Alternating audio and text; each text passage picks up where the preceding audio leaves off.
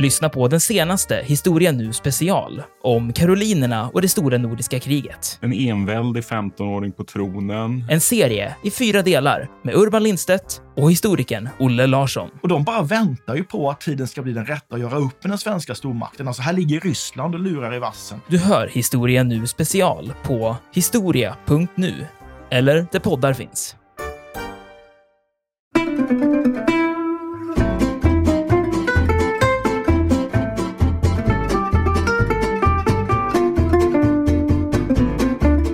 Olaus har skrivit en skrift som handlar om ont munbruk, svordomar på ren svenska. Och det brukade ju Gustav ganska flitigt, så han uppfattade ju den här skriften som riktad mot honom själv. Och då skriver han då att Olaus är lika skicklig som kansler, som en frisisk ko är till att spinna silke. Ja, det... Det är en sån klockren Gustav Ja, Vasa-formulering. just, just de, ja, precis. Alltså just de frisiska korna känner på var, för att vara väldigt dåliga på det. Så. Ja, det är en av deras absolut stora svagheter.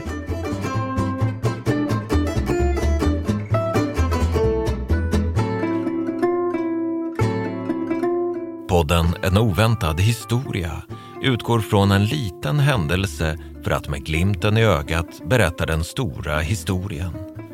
Programledare är historikerna Olle Larsson och Andreas Marklund.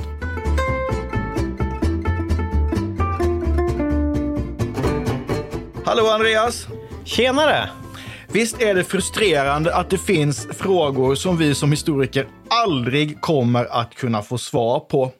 Eh, Jag tänker till exempel på att vi kommer aldrig få veta hur personer som levde innan det fanns möjlighet att spela in ljud, hur de lät. Och det tycker jag är ganska frustrerande. Så jag skulle vilja börja fråga dig, Andreas, är det någon person från äldre tid som du, vars röst du skulle vilja höra? Ja, alltså utan tvekan Karl XII. Förstås. Naturligtvis. Alltså frågorna är ju oändligt många. Alltså talade han med en majestätisk tordenstämma? Eller var det lite mer, lite pipigare och lite mera vekt? Eller du vet, skorrade han, läspade han, viskade han, muttrade han? Eh, talade om sig själv som jag eller använde han sig av den här vi-formen? Vi av Guds nåde och så vidare. Eh, så alltså det ska vara det, det, fantastiskt att få höra. Sen vill jag också gärna nämna då att vi har ju faktiskt eh, vi har en del ljudupptagningar av eh, här, historiska superkändisar från slutet av 1800-talet. Har du hört den här eh, inspelningen med Otto von Bismarck? Ja, tror det har jag hört. Den är fantastisk. 1889 tror jag, på en sån här vaxrulle. Ja, jag undrar om det stämmer. Han var ju tydligen ganska blyg, det tror man ju inte, men han lär ju ha druckit ett eller två ölstop med portvin före alla sina offentliga framträdanden. Så han, hans stämma kanske inte var så klingande, utan snarast lite släpig. Man vet inte. Ja, ja men ja. Men alltså, han, han låter ju, det- tror inte att jag tänkte på så mycket, men han låter rätt munter. Alltså om man tänker den här järnkanslern du vet. Han är rätt gladlynt och så sjunger han ju några, någon engelsk sjömansvisa och han sjunger väl, han sjunger marseljäsen tror jag. Ja. Vilket är den franska nationalhymnen. Det är ju otroligt ironiskt. Där ser man vad lite portvin kan göra. Ja, exakt. Jag menar, alltså, tänk om man kunde hitta något liknande med Karl XII. Kan man Ja. inte tänka sig att eh, Polhem konstruerade någonting? Utan att berätta det för någon. Ligger Exakt, någonstans exakt. långt nere i Riksarkivets valv. Ja, precis, precis. Och där finns den burken med Karl XIIs röst. Ja, det är ju en fascinerande tanke. Men jag skulle nog säga, eftersom jag har skrivit en bok om Gustav Vasa, att just Gustav Vasa är ju Såklart. en kung som har följt mig genom livet och det är ju faktiskt på grund av honom som jag är historiker idag. Så skulle jag faktiskt vilja höra hur han lät när han talade.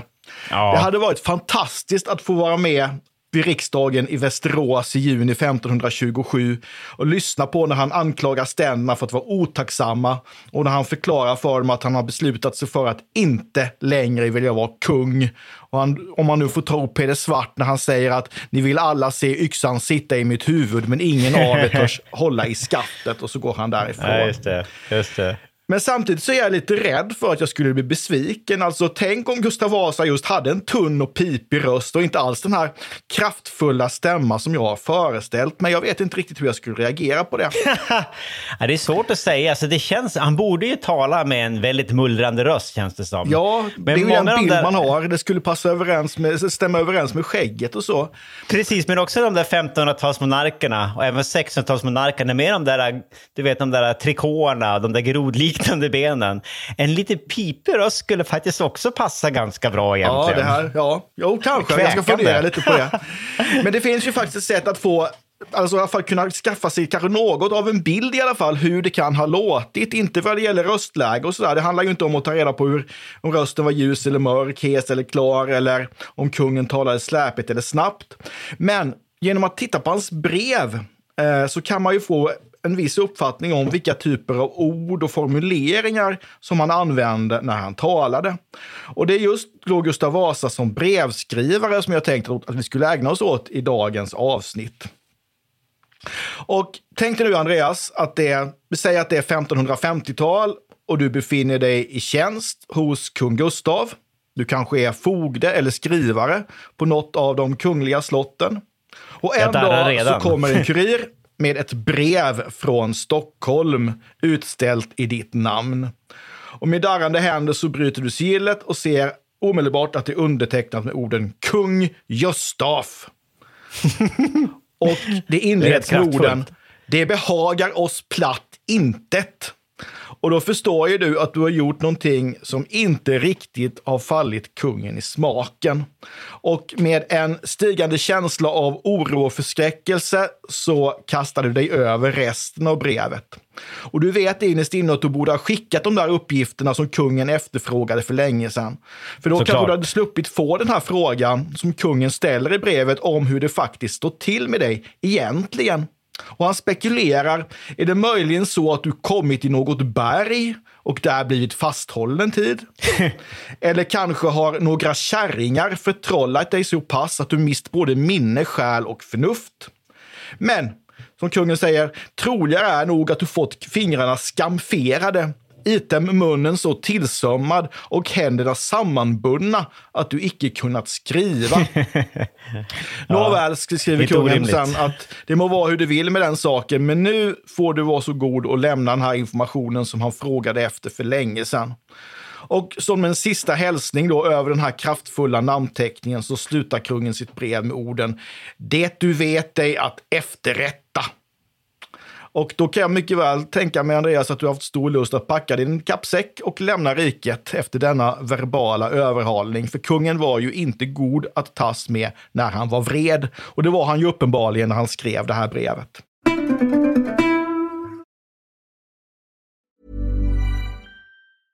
A lot can happen in the next three years. Like a chatbot may be your new best friend. But what won't change? Needing health insurance. United Healthcare Tri Term Medical Plans are available for these changing times.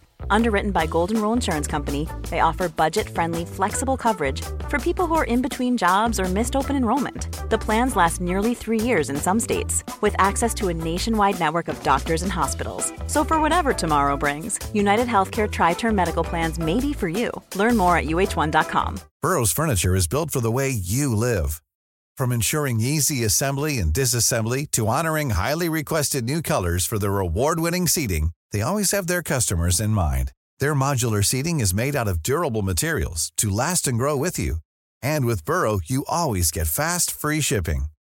Get up to 60% off during Burrow's Memorial Day sale at burrow.com slash ACAST. That's burrow.com slash ACAST. burrow.com slash ACAST. There's never been a faster or easier way to start your weight loss journey than with PlushCare. PlushCare accepts most insurance plans and gives you online access to board-certified physicians who can prescribe FDA-approved weight loss medications like Wigovi and Zepbound for those who qualify. Take charge of your health and speak with a board-certified physician about a weight loss plan that's right for you. Get started today at plushcare.com slash weight loss. That's plushcare.com slash weight loss. plushcare.com slash weight loss.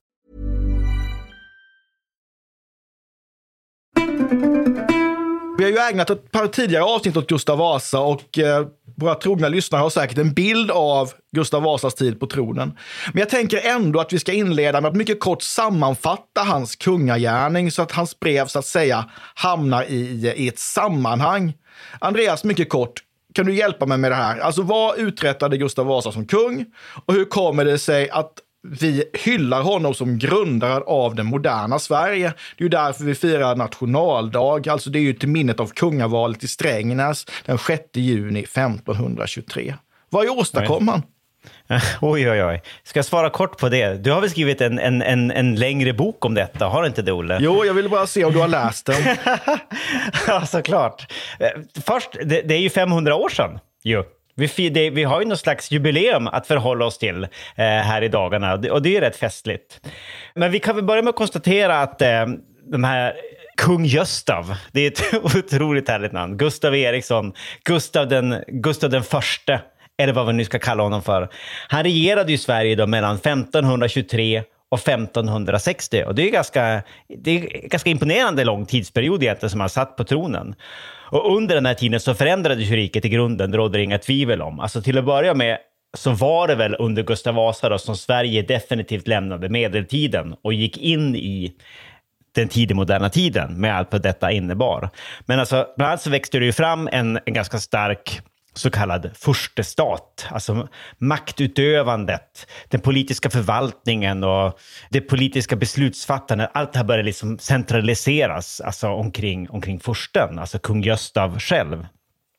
Dessutom ökar kontrollen över de svenska undersåtarna och skatterna börjar ju höjas. Alltså Gustav, Gustav Vasa fick ju koll på, på skatteuppbörden. Han effektiviserade skatteväsendet. Och liksom, det, det var en väsentlig del bakom, en viktig delförklaring till de här framgångarna som ju faktiskt eh, präglar, vad ska man säga, den svenska statens historia under den här tidsperioden. Alltså det kommer in, nu börjar det komma in pengar. Men det var ju långt ifrån populärt naturligtvis hos befolkningen och det är väl ingen svensk kung egentligen som har fått så många uppror riktade mot sig som just precis Gustav Vasa. Alltså jag, jag kan ju på rak arm nämna åtminstone tre Dalauppror. Eh, ett av dem det här klockupproret. Sen har vi något som heter Västgötaherrarnas uppror, som också har många andra namn. Och inte minst det som började i dina egna hemtrakter, Olle, alltså Dackefejden, som väl var det största och det värsta mellan 1542 och 1543. Och det utvecklade sig på ett ganska obehagligt sätt för kungen. Och där kan man ju märka också då ett, vad ska man säga, att det händer ju någonting med hans, ska säga, hans, hans stil, hans, hans framtoning. Um, och själva upproret krossas ju, men kungen skrämdes ju. Det är uppenbart. Han lärde sig en läxa. Alltså han fortsatte ju liksom att vara med den här ganska hårda kontrollen då av undersåtarna, svenska folket. Och skatterna de fortsatte vara väldigt höga. Men han, han, han blev mindre konfronterande efter det här. Alltså han fick en lite mer försiktigare framtoning. Och därför är det ju det som säger att eh, att Gustav Vasas tid på tronen då lägger grunden till det som man senare kallas då för den svenska modellen. Jag vet inte om det går för långt. Vissa menar att man kan gå ännu längre tillbaka, andra menar att det börjar mycket senare. Men alltså, det är inget snack om att det utvecklas ju under den senare fasen av hans regentperiod någon slags förhandlingskultur mellan Vasas regim och hans fogdar å ena sidan och då de, de, de, de styrda undersåtarna. Eh, där sockerstämman till exempel då, och, och tingen är liksom viktiga arenor, arenor för det här mötet mellan staten och befolkningen. De man liksom försöker lösa gemensamma problem i, i, i samförstånd snarare än genom konfrontation. Och vi har ju heller inga större bondeuppror i Sverige efter Gustav Vasa med undantag för klubbekriget i Finland då på 1590-talet och kanske Stora daldansen på ja, 1740-talet. Men ja. alltså annars inga större uppror. så det har ju hänt någonting här. Någonting händer ju onekligen. Men så tror jag också att många tänker också på Gustav Vasa som den som gjorde Sverige protestantiskt. Alltså Gustav Vasa gör den svenska kyrkan i Sverige till en statskyrka med kungen, sig själv och inte påven som överhuvud. Han låter översätta Bibeln till svenska 1541 och det här blir ju normerande för ett svenskt skriftspråk med reformationen kommer också krav på ökade krav på kristendomskunskaper, därmed en folkundervisning som drar igång i slutet på 1500-talet, som gör att Sverige har något bland världens högsta läskunnighet i, eh, under 1700-talet i varje fall. Kungen lägger också grunden till eh, den svenska flottan med hjälp av fartyg från Lübeck besegras ju Kristian II. De här fartygen kommer till Sverige 1522 och därför firar den svenska flottan sin födelsedag just detta år. Vi har också då riksdagen, en annan riksdag, Västerås 1544, där kungen då vis av alla upproren har insett att det finns mycket krigskunnigt folk i landet och här skapar han en, en nationell här som alltså ligger grunden till den svenska försvarsmakten egentligen. Och han förvandlar ju Sverige också till ett arvkungadöme samma år när kronan blir ärftlig inom hans ett. Så han har ju lagt, lägger ju grunden till mycket som vi ser resultaten av idag. Så jag tycker nog att det finns fog för att säga att Gustav Vasa la grunden för det moderna Sverige och att vi i mångt och mycket lever i det som var hans skapelse, alltså från, från början.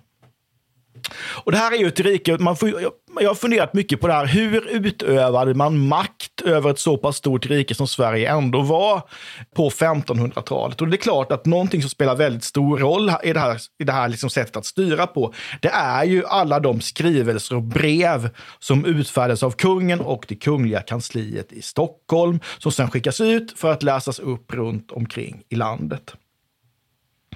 De här skulle då läsas upp på offentliga platser, exempelvis på ting, eller överhuvudtaget platser där många människor var församlade. Och på det sättet så skulle undersåtarna få veta vad kung Gösta förväntade sig av dem.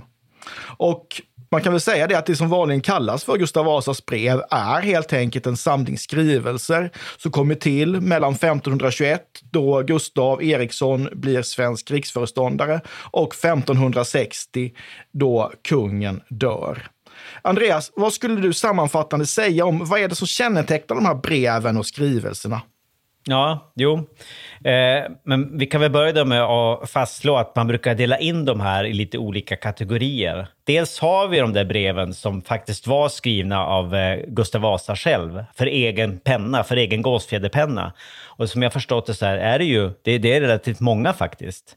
Sen har vi då de brev som kungen då hade dikterat och haft för sina många olika skrivare i det kungliga kansliet.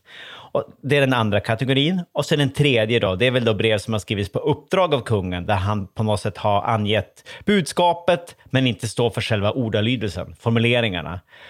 Och de första av de här två typerna är väl de är väldigt personliga i stil och ton. Det är sånt som du bland annat arbetar med i din Gustav Vasa-bok. Och de säger, vad, som jag har förstått det, ganska mycket om hur kungen såg på sig själv och hur han uppfattade sig som härskare i olika tidpunkter. Medan den tredje kategorin, den är väl kanske då rent språkligt sett lite tamare. Alltså det ligger närmare klassisk, eller vad ska man säga, tidig modern kanslisvenska. Alltså tidens då byråkratspråk kan man väl säga. Och flera av Gustav Vasas tidiga brev saknar ju underskrift, men från och med 1530-talet så Eh, blir det allt vanligare att han skriver under ordentligt då med sin namnteckning. Och det som är intressant om man tittar på de här breven är att språket och formuleringarna är väldigt väl anpassade till vem som ska ta emot brevet. Alltså han skriver på ett visst sätt till sina nära släktingar, till sina barn. Han skriver på ett helt annat sätt när han kommunicerar med rikets högra herrar eller med fogden eller för den delen när han vänder sig direkt till, till allmogen. Och även brevens inledningsfaser varierar över tid. Och här ser man lite grann om hur Gustav Vasa själv faktiskt uppfattar sig. Ett av de första breven som då skrivs då i, vid den tid då han är riksföreståndare, alltså 1521, då skriver han så här. Jag, Göstaf Eriksson i Ridboholm. Här har han alltså uppenbarligen en, en, ett behov av att förklara vad han heter och var han kommer ifrån. För att liksom tio år senare bara skriva vi, Gustaf. Alltså, det är inte jag längre, utan han har gått över till ett så kallat pluralis majestatis, ett vi. Det är alltså en person som är ganska säker på sin härskarroll och eh, ja, upplever sig själv som en riktig monark. Det man kallar royal we i amerikanska filmer. Just eh, precis men, så. Men jag tänkte, det är ju inte bara det som förändras, utan han går ju från det här Gösta, eller Göstav till Gustav. Det ändras uppenbarligen också. Det är ju rätt intressant. Ja, och han börjar också skriva bokstäver på ett annat sätt. Och det ser man på 1540-talet när G i Gustav eller Göstav får ett helt nytt utseende. Och det här tror man beror på att Eh, det här är ju den tyska perioden, eller tyskarnas period i det svenska kansliet. Gustav har ju kallat till sig tyska rådgivare som ska hjälpa honom att bygga upp en förvaltning, ett svenskt kansli, ett svenskt hov enligt europeiskt mönster. Det är Konrad von Pühy, det är Georg Norman och de här påverkar honom. Och genom att han skriver sitt G på ett mer kontinentalt sätt så vill han ju sända ut signalen att han är inte vem som helst. Han är liksom inte bara kungen i Sverige, utan han är en europeisk renässansfurste. I allt väsentligt då en furste bland eh, furstar. Och där ingår också att han övergår från liksom ett mer, vad ska man säga, bonskt Gösta till det mer internationellt gångbara Gustav, Gustavus. Ja. Han, han är mer, det, är en, det är en mer självmedveten härskare som dyker upp här på 1540 ja, och 1550-talen. A king in the making. Ja, precis. Men man kan ju också se att kungen, och det är det som jag tycker är så fantastiskt med hans brev, alltså han har ju svårt att anpassa sitt språk till kanslisvenskan, vilket Ja. säger kanske lite grann om vem han själv var. Utan i de brev som han själv skriver eller dikterar så kommer hans personlighet fram med full kraft. Alltså han, är, han älskar explosiva ord och satser, liknelser, bilder, ordspråk och vi ska strax återkomma till detta och titta lite närmare på den kungliga formuleringskonsten. Han är också väldigt kategorisk. Han skriver på ett sätt som han vill inge respekt, han vill, ha, vill inge förtroende. Han är inte mycket för abstrakta resonemang och torr bevisföring, utan det ska vara drastiska formuleringar och gärna överdrifter, alltså pedagogiska överdrifter för att väcka känslor.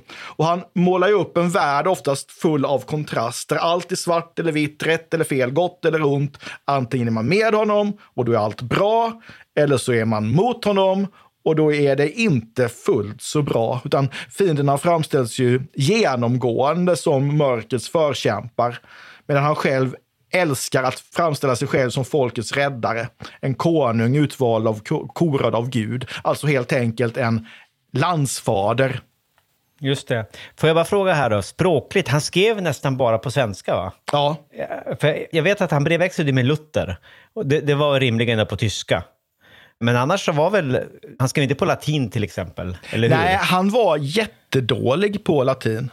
Och han är så dålig på latin så att den blivande Erik den XIV faktiskt hånar sin far för, för, detta. Så det undviker han då. Gamle kung Gösta. Så ska man titta på hans språk så är det, det är väldigt mycket, man kallar det oftast för bibelsvenska. Ja, alltså det är ett svenska som är påverkad av språket i Bibeln, katekesen och psalmboken.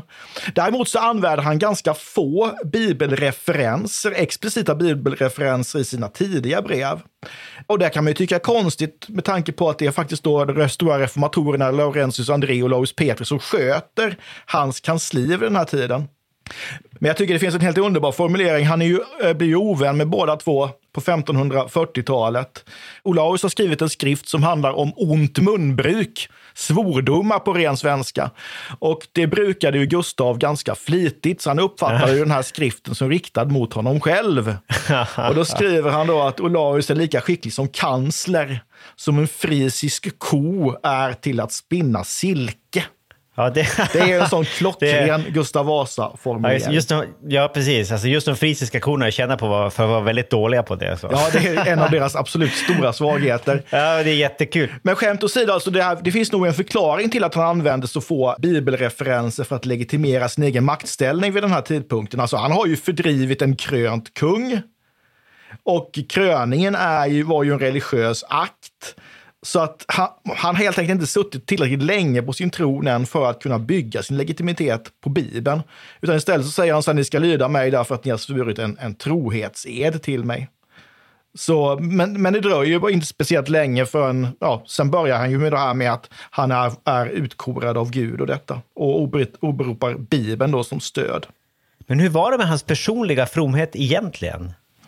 Han är ju djupt troende som alla andra människor på 1500-talet. Sen är det ju rätt märkligt då att han, han föds ju som katolik, han dör som protestant. Det är han som har drivit igenom reformationen i Sverige. Men han, han har ju svår själaångest när han ligger på det yttersta för, för de eviga straffen. Och han har ju liksom inte släppt det här med tanken på att det eventuellt kan finnas en skärseld och någon slags gärningslära då som, som kan slå till då när man går över gränsen med tanke på vad man har gjort. Att han har brutit med påven i Rom, han har begått eh, lönnmord, han har ljugit. Alltså han har ganska mycket i sin syndakatalog att vara orolig över. Men jag tänkte, för han framstår ju lite grann som en eh, både politisk och religiös pragmatiker. Jämfört med till exempel då Karl XII som vi nämnde tidigare. Eh, alltså han följer inte någon så här strängt ortodox linje, det kan man ju inte säga.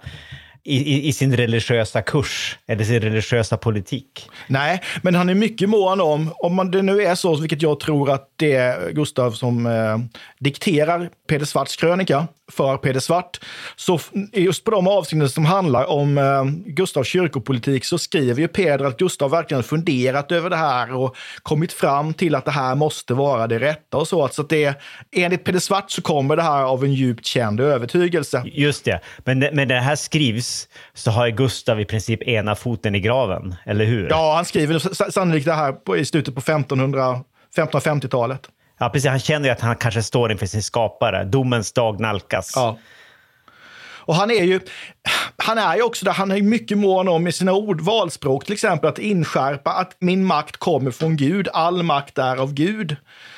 Och det är väl framförallt på 1540-talet som det är, det är mycket Gud i de här breven. Och sen så på 1550-talet så börjar han mer eller mindre, eller i större utsträckning än tidigare, liksom åberopa sin egen ställning, sin egen auktoritet som liksom grunden för hans maktställning.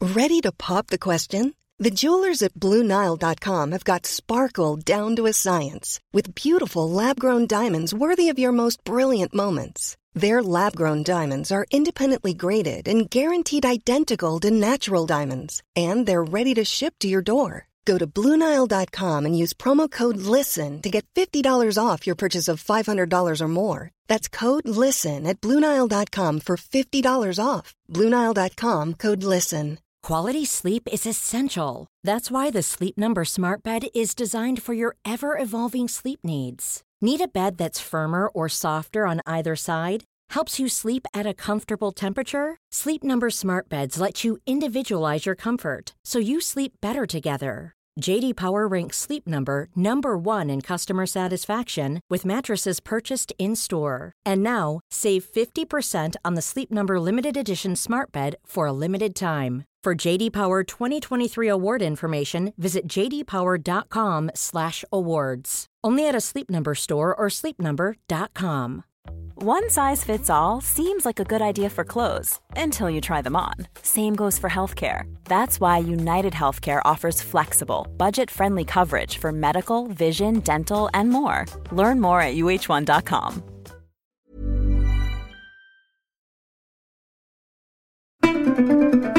Men jag tänkte att vi ska titta lite närmare på hur det kunde låta i hans brev och det ska vi göra genom att titta på vad kungen skriver under Dackefejden, alltså det här stora bondeupproret i Småland som pågick ett år mellan 1542 och 43. Och eh, han använder ju här den här taktik som han brukade använda när han ska liksom bekämpa uppror. Han eh, lägger inte alla ägg i, ett, i en korg, utan han skickar ut skrivelser med verbala förmaningar där han uppmanar till lugn, samtidigt som han förbereder sig för att militärt krossa de här upproren. Andreas, vad skriver kungen i sina brev om Dackefejden om vi tar det här från början, alltså vid midsommartid 1542? Ja, men alltså, det, det, här är ju onekligen ganska mustigt. Man törs nog kalla det för, jag, jag skulle nog säga att det här är ett av mina favoritcitat, eh, alla kategorier stammande från då den store Gustav Vasa. Alltså han avfärdar ju liksom de här missnöjda Smålandsbönderna. De var ju väldigt missnöjda med liksom det här, den hårda, hårdnande politiska kontrollen, de höga skatterna. Det avfärdade han med att det här var enbart knark, fåfängt snack och förtal. Och vi noterar ju här att han använder det hederliga gamla svenska uttrycket knark. Ja. Vilket då inte betyder eh, narkotiskt rusmedel här, utan det handlar mer om alltså, knot och gnäll och, ja, och, och, och, och gny. Ja, precis. precis. Det är ju jättehärligt. Men sen då när upproret faktiskt bröt ut så skickade kungen ytterligare brev till smålänningarna i de här oroliga trakterna där han talade då om, och det här är också ett citat, en hop skogstjuvar och förrädare som nu i denna sommar där nere hos eder har slagit sig samman. Och där karaktäriserar han då också då de här upproriska böndernas ledare, den senare så famöse Nils Stacke då som en, och nu citerar jag, här vill jag verkligen understryka att detta är enbart ett citat. Det var, han var en uppenbar horkar, förrädare och kättare, icke en kristen man, utan värre än en jude och hedning. Slutcitat. Ja, det är hårda ord. Verkligen. Och det är ju inte bara smålänningarna som får ta emot brev från kungen den här sommaren, utan han skriver ju brev till andra delar av riket.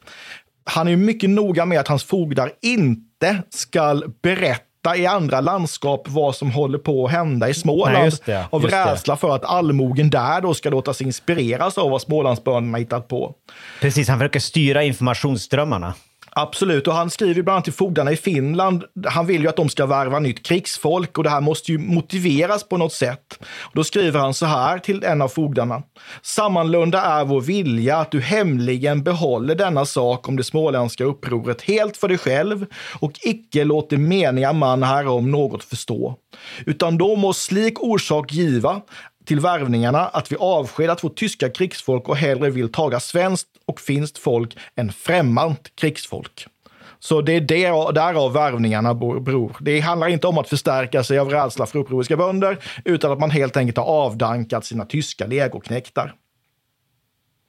Och de här legoknektarna får ju också en släng av den konungsliga sleven här, därför att de här striderna i Småland första upprorssommaren går ju dåligt. Alltså bondeupproren är segerrika och Gustav är inte nöjd med sina legoknektar. Han skriver att de var föga benägna att söka buskan. Det tycker jag också är ett fantastiskt uttryck. ja, Man ja, tänker på att det måste vara ganska obehagligt som tysk legoknekt att rida in i en tät småländsk skog där det fanns uppretade Smålandsbönder med skäktpilar och allt sånt otyg. Som låg gömda i buskan. Men samtidigt så skickar han ju ut brev då till, eh, till, till andra delar av Sverige. För det handlar ju också om att försöka liksom att kungen framstå så god dager som möjligt samtidigt som smålänningarna framstår som de här svartnat, svarta skurkarna. Det här med kontrasterna som sagt var. Och här skickar han ju ut brev där han är mycket mild och inställsam och han säger att till exempel att ja, men jag hade gärna velat lyssna på er och om ni har några problem så vill jag gärna att ni, ni kommer till mig med det. Jag tackar er för att ni visat mig trohet. Om jag bara hade vetat hur svårt ni har haft det så skulle jag minsann ha bestraffat fogdar och befallningsmän som gått allt för hårt fram. Bara jag fått veta att, att, ni, att ni lider i tid så skulle jag, jag citerar, givit dem god hugsvalelse om i tillförna och sådant, antingen med bud eller brev, det hade låtit förstå.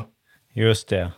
Och till fogdarna då så skriver han ju då med känd formulering att han förundrar sig storligen, det är naturligtvis han är arg nu, över att de inte inkommit med underrättelser om läget. Så det handlar ju om att med, med, med breven framstå i god dagar och skylla det här på, på andra. Han vill bara liksom väl. Men det här upproret går ju så pass bra för Smålandsbönderna att kungen tvingas ingå ett vapenstillestånd med de upproriska under hösten 1542 och då firar Nils Dacke jul på den gamla biskopsborgen Kronoberg. Men kungen gillar ju inte alls det här med vapenstillestånd. Han kallar det för en hönefred och misstänker att det här är bara en list för små från smålänningarnas sida. Att detta är en förhalning så att de kunna bliva tillfreds under denna vinter. Men när buskan grön bliver får vi väl se om det håller allt vad det utlovat, skriver han. Just det, de bidar bara sin tid. Ja. Och han litar ju, här kommer ju kungens misstänksamhet fram, för han litar ju inte alls på allmogen i andra delar av riket heller. Han skriver att det är mycket farligt och sällsynt snack allestädes hos en menige allmoge här uppe i landet. Det har ju en väl så ond grund uti sig som smålänningarna. Alltså ja. i grund och botten så är undersåtarna inte att lita på. Nej, just det. Nej. Men alltså, det, det, var nog inte en helt orimlig analys heller. Alltså, han hade ju som sagt just slagit ner då, tre daluppror. Ja, precis. Och västgötaherrarna. Så att han, har ju, han vet ju att han inte är speciellt populär. Det finns ond grund där ute. I alla fall missnöjd grund. Det gör det definitivt. Och jag tycker det, han skriver ett, ett brev här som, som, som, visar mycket på hur han, hur han agerar. För nu handlar det om då att, att få resten av Sverige att vända sig mot smålänningarna. Då skriver han så här, han skriver det här är ett, ett brev med råd till hur rikets högadelsmän ska agera. Han skriver så här. Så synes och rådligt vara att i gode män bör bruka lämpor och list med allmogen här uppe, givandes dem några meningar eller praktiker före, genom vilka man för kunde förolämpa smålänningarna och draga denna allmoge ifrån dem på det sätt som bäst kan uttänkas. Förolämpa smålänningarna? Ja, och se till att ingen vill, vill alliera sig med dem. Som första kan man att man ska framhålla att det mesta och största orsaken varför smålänningarna har tagit sig, tagit sig slikt buller före har varit att kunglig majestät, vår nådige herre och adeln där nere i landet, icke har vi velat tillåta och tillstädja att så övermåttans många oxar och läster smör från den landsändan Småland till att bespisa och bestyrka Danmarks rike och danska städer och andra främmande länder och städer med som smålänningarna gärna ville utföra, meniga riket och besynnerligen detta Uppland Norrland och Bergslaget till en dyr och svår tid. Alltså, rikets problem är smålänningarnas fel. Dyrtiden beror på att smålänningarna har kränkt en massa kött över gränsen, vilket har gjort att priserna i Sverige gått upp. Och när kungen då har gripit in för att förhindra detta, den svenska allmogen till fromma, så har smålänningarna gjort uppror. Alltså, det är den förklaring som kungen vill ha spridd över landet. Ja, ja, exakt, de har ju till och med alltså, de har ju sålt allt käk till dansken. Ja, och tyskar. Ja, danskar och tyskar till främmande. Ja, istället Ja. för, och sen när de inte har fått göra det så har de blivit arga. Och det har kungen försökt lösa och då kommer upproret. Ja, men det är ju jätteintressant, Ola. Alltså, han, det visar liksom hur han försöker liksom bevara sin maktställning och utöva makt genom att kontrollera informationsströmmarna. Precis. Alltså, där skulle man väl då med, jag vet inte om det är det väldigt anakronistiskt att kalla det här för någon slags falska nyheter, fake news. Ja, men det är det ju. För det här, och det här är ju någonting som har stått kvar i läroböcker jättelänge, att Dackefejden berodde på att smålänningarna inte fick sälja oxar över gränsen, vilket är rent nys. Det är alltså bara en del av den kungliga propagandan. Precis, så det var definitivt inte någonting som eh, Donald Trump hittade på. Nej, absolut Re, re, inte. redan kung Gustav. Redan kung Gösta kunde sina saker. Och han är också ganska, han är lite raljant i sina brev, därför att smålänningarna har ju skrivit då i klagoskrift att man vill återvända till en tid där allt gammalt och fornt hade varit, den gamla goda tiden med andra ord. Jaha, säger kungen i ett brev, vad var det det? Vad är det ni vill tillbaka till då? En tid när det var, bara var krig. Är ni inte nöjda med att jag har skapat fred i riket? Vill ni tillbaka till, och då citerar jag, inbördes tvedräkt med falsk dagtingan, rov, mord, brand och halshuggning, hängande, steglande, dränkande och allt annat ont som detta fattiga rike, det Gud bättre till förne övergånget är. Och så kommer ett av mina favoritcitat. Mycket ond malt brygges till öl och uppväcker mera ont än gott bland allmogen, konstaterar kungen. Det är, det, det är en väldigt härlig, klurig metafor. Ja, men visst är det. malt. Ond malt bryggs till ont öl. Det måste jag fundera på ikväll, Ja, men jag. precis. Sen fortsätter ju striderna efter, eh, efter jul, våren 1543. Och eh, återigen, det här är ju smålänningarnas fel. Han skriver då så här att man, man ingen god grund eller fast fundament av de upproriska smålänningar förmärka kan. Det är därför han har beslutat att ta till vapen igen. Men den här gången så är ju de kungliga trupperna framgångsrika och upproret slås ju ner. Dacke försöker fly, blir upphunnen, dödas först i Kalmar, kroppen steglas, hans avhuggna huvud förses med en kopparkrona och sätts upp på en påle. Och då skriver kungen förnöjt att förrädaren Dacken har fått sin lön, fast han en mycket värre avgång förtjänt haver. Så nu är man av med Dacke. Nu återstår bara att göra upp räkningen med, och jag citerar igen, hans kona och trollkärringen, hans moder. Ja. Ja, det är, hårda ganska, ord. ganska hård, hårda ord från, från kungen i Stockholm. Han är också mycket för det här med att han, hur han framställer sig själv som att han var bestämd för något stort och det går ju som en, en eh, röd tråd redan i Peder Svarts krönika. Han, håller, han skriver ju ett brev också då 1560 i juni och det är ju i samband med att han håller sitt sista offentliga framträdande. Där han liksom konstaterar att han nu har varit kung i Sverige då i, i, i många år. Och han frågar sig då hur många trodde att det här var möjligt. När jag gick i skog och skjul, klädd i vadmal, drack vatten och åt ynkeliga. Och sen fortsätter han det här och sen gör han, avslutar han det här med att göra en, en liknelse mellan kampen mellan kung David och Goliat. Där han själv då är David i den här kampen som besegrar Goliat i gestalt av den onde kungen Kristian den andre. Just det. Ja, ganska kraftfullt på den tiden. Ja, det får man ju säga. Och i de här breven just som vi möter under Dackefejden är det ju det är en väldigt maktfullkomlig och listig machiavellisk härskare som framträder. Men det finns ju en annan bild av kungen också. Alltså, Andreas, hur ser det ut när kungen skriver till sina barn eller skriver om sina barn? Ja, just det. Det där, det där är ju då så överraskande fint, tycker jag. Alltså, det är nog lite överdrivet och kanske smula anakronistiskt att kalla honom för en, alltså Gustav Vasa då, för en curlingförälder. Men det är inga tvivel om att det är lite mer omsorgsfull och kanske ibland också lite så här småspattig eller så här kärleksfullt bekymrad Gustav Vasa som tittar fram i, i de breven. Alltså vi kan väl utgå från det här brev då, brevet som Gustav Vasa skrev till sin svåger Sten Eriksson vid nyårstid 1540. Då hade Gustav Vasa och hans dåvarande hustru Margareta Lejonhuvud, då hade de lämnat sina barn i Örebro och rest till Kungsör.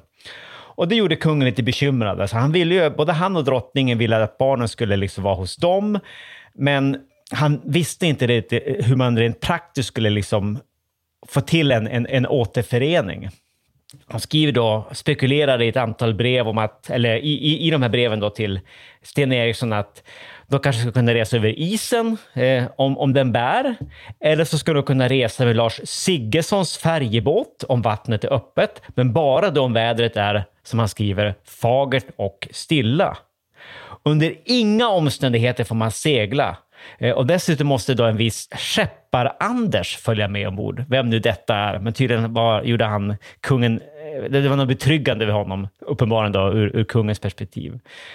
Om de då valde att färdas landvägen istället för att åka till sjöss så var det viktigt att hålla god uppsikt över barnen, alltså förmanade då Gustav Vasa. Och man skulle se till att de blir väl omhändertagna med kläder och annat. Det är alltså också ett citat. Och så påpekar kungen då i det här brevet att kylan kan vara skadlig för de små, för de små liven. Så det bästa vore då om fru Ebba, alltså barnens mormor, kunde följa med på resan. Så det här är, då, det här är ju då en, en, en klart mer orolig far som månar om sina barn, alltså något som man då själv kan relatera till. Och han är mycket mån om att de här omsorgerna också ska fortsätta när de väl har kommit fram och resan är över. Att följet ska hålla god vakt natt och dag, både för eld och annan faras skull. Han vill att barnen ska få mat. De ska få den mat de har lust till. När det gäller kött, fisk och annat. Men, Andreas, vad ska man akta sig för? det är faktiskt väldigt kul. Eh, alltså de, får inte, de, de skulle inte äta färsk fisk. Framförallt skulle de inte äta, nu citerar idag, finska gäddor och annan fisk som den icke är bekväm. Man ska ge dem, utan man skulle ge dem då god bergenfisk, goda flundror och spettfisk. Dock inte för mycket lutblött. Jag har ingen aning om vad liksom finska gäddor innebär i det här sammanhanget, men, men riktigt trevligt låter det ju inte. Nej, det, var, det skulle barnen som sagt var akta sig för. Exakt. Och sen så skriver han ju också att han har sk- har skickat med godsaker till barnen. Han har skickat med pomeranser till dem och det är mycket Ja, omtänksamt. Men Just då kommer det. en förmaning då att de får att icke giva med allt för mycket åt gången, utan passligt.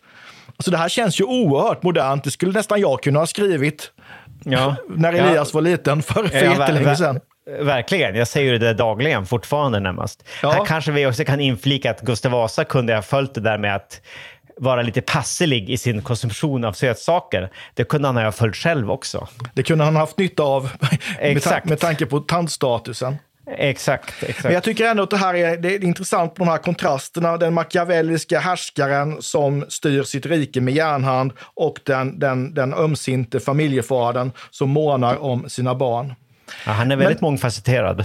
Ja, absolut. Men Andreas, avslutningsvis, tiden rinner iväg för oss. Alltså, vi har ju alla anledning till att vara tacksamma mot Gustav Vasa som har lämnat så mycket brev och skrivelser efter sig. Det är ju liksom det vi vill ha som historiker. Så Andreas, en avslutande fråga. Alltså, i vår tid skriver vi ju väldigt, li- väldigt lite brev. Nästan allting vi skriver är elektroniskt. Vad kommer framtidens historiker använda för källmaterial när de vill undersöka oss? Nej, men alltså, så att säga, vi skriver inte så många brev, men vi skriver väldigt mycket då, via de här digitala kanalerna. Så det är e-post, det är sms, det är meddelanden på Messenger. Du är säkert typen som är på Snapchat, Olle, kan jag tänka mig. Nej. Eh, det, men det, alltså, det är sånt som vi måste börja spara då för eftervärlden helt enkelt. Alltså, vi vet redan nu, det, det- här kommer inte ge en komplett bild av nutiden. Det, oänd, det, kommer, vi, alltså, det kommer bildas oändligt mycket luckor i liksom det källmaterial som vi efterlämnar då till framtidens historiker. Fast å andra sidan så var det också på 1500-talet. Alltså vi har ju Gustav Vasas brev, men vi har inte så många av de där böndernas brev. Alltså de här bönderna som man bråkade med, de är, de är ganska tysta i källorna. Så det är inget nytt i sig. Nej, och sen jag. kanske, eh, om nu den här podden sparas inför eftervärlden så kanske framtidens historiker får veta hur Olle Larsson och Andreas Marklund lät i alla fall. Exakt, Och, exakt. och det är alltid något. Väl talat. Tack för idag Andreas. Tack ska du ha. Tack. Vi ses. Hej. Hej då. Vi tackar programledarna Olle Larsson och Andreas Marklund. Kontakta gärna Olle och Andreas på ovantad.historia.nu. Vi läser allt, men hinner kanske inte alltid svara.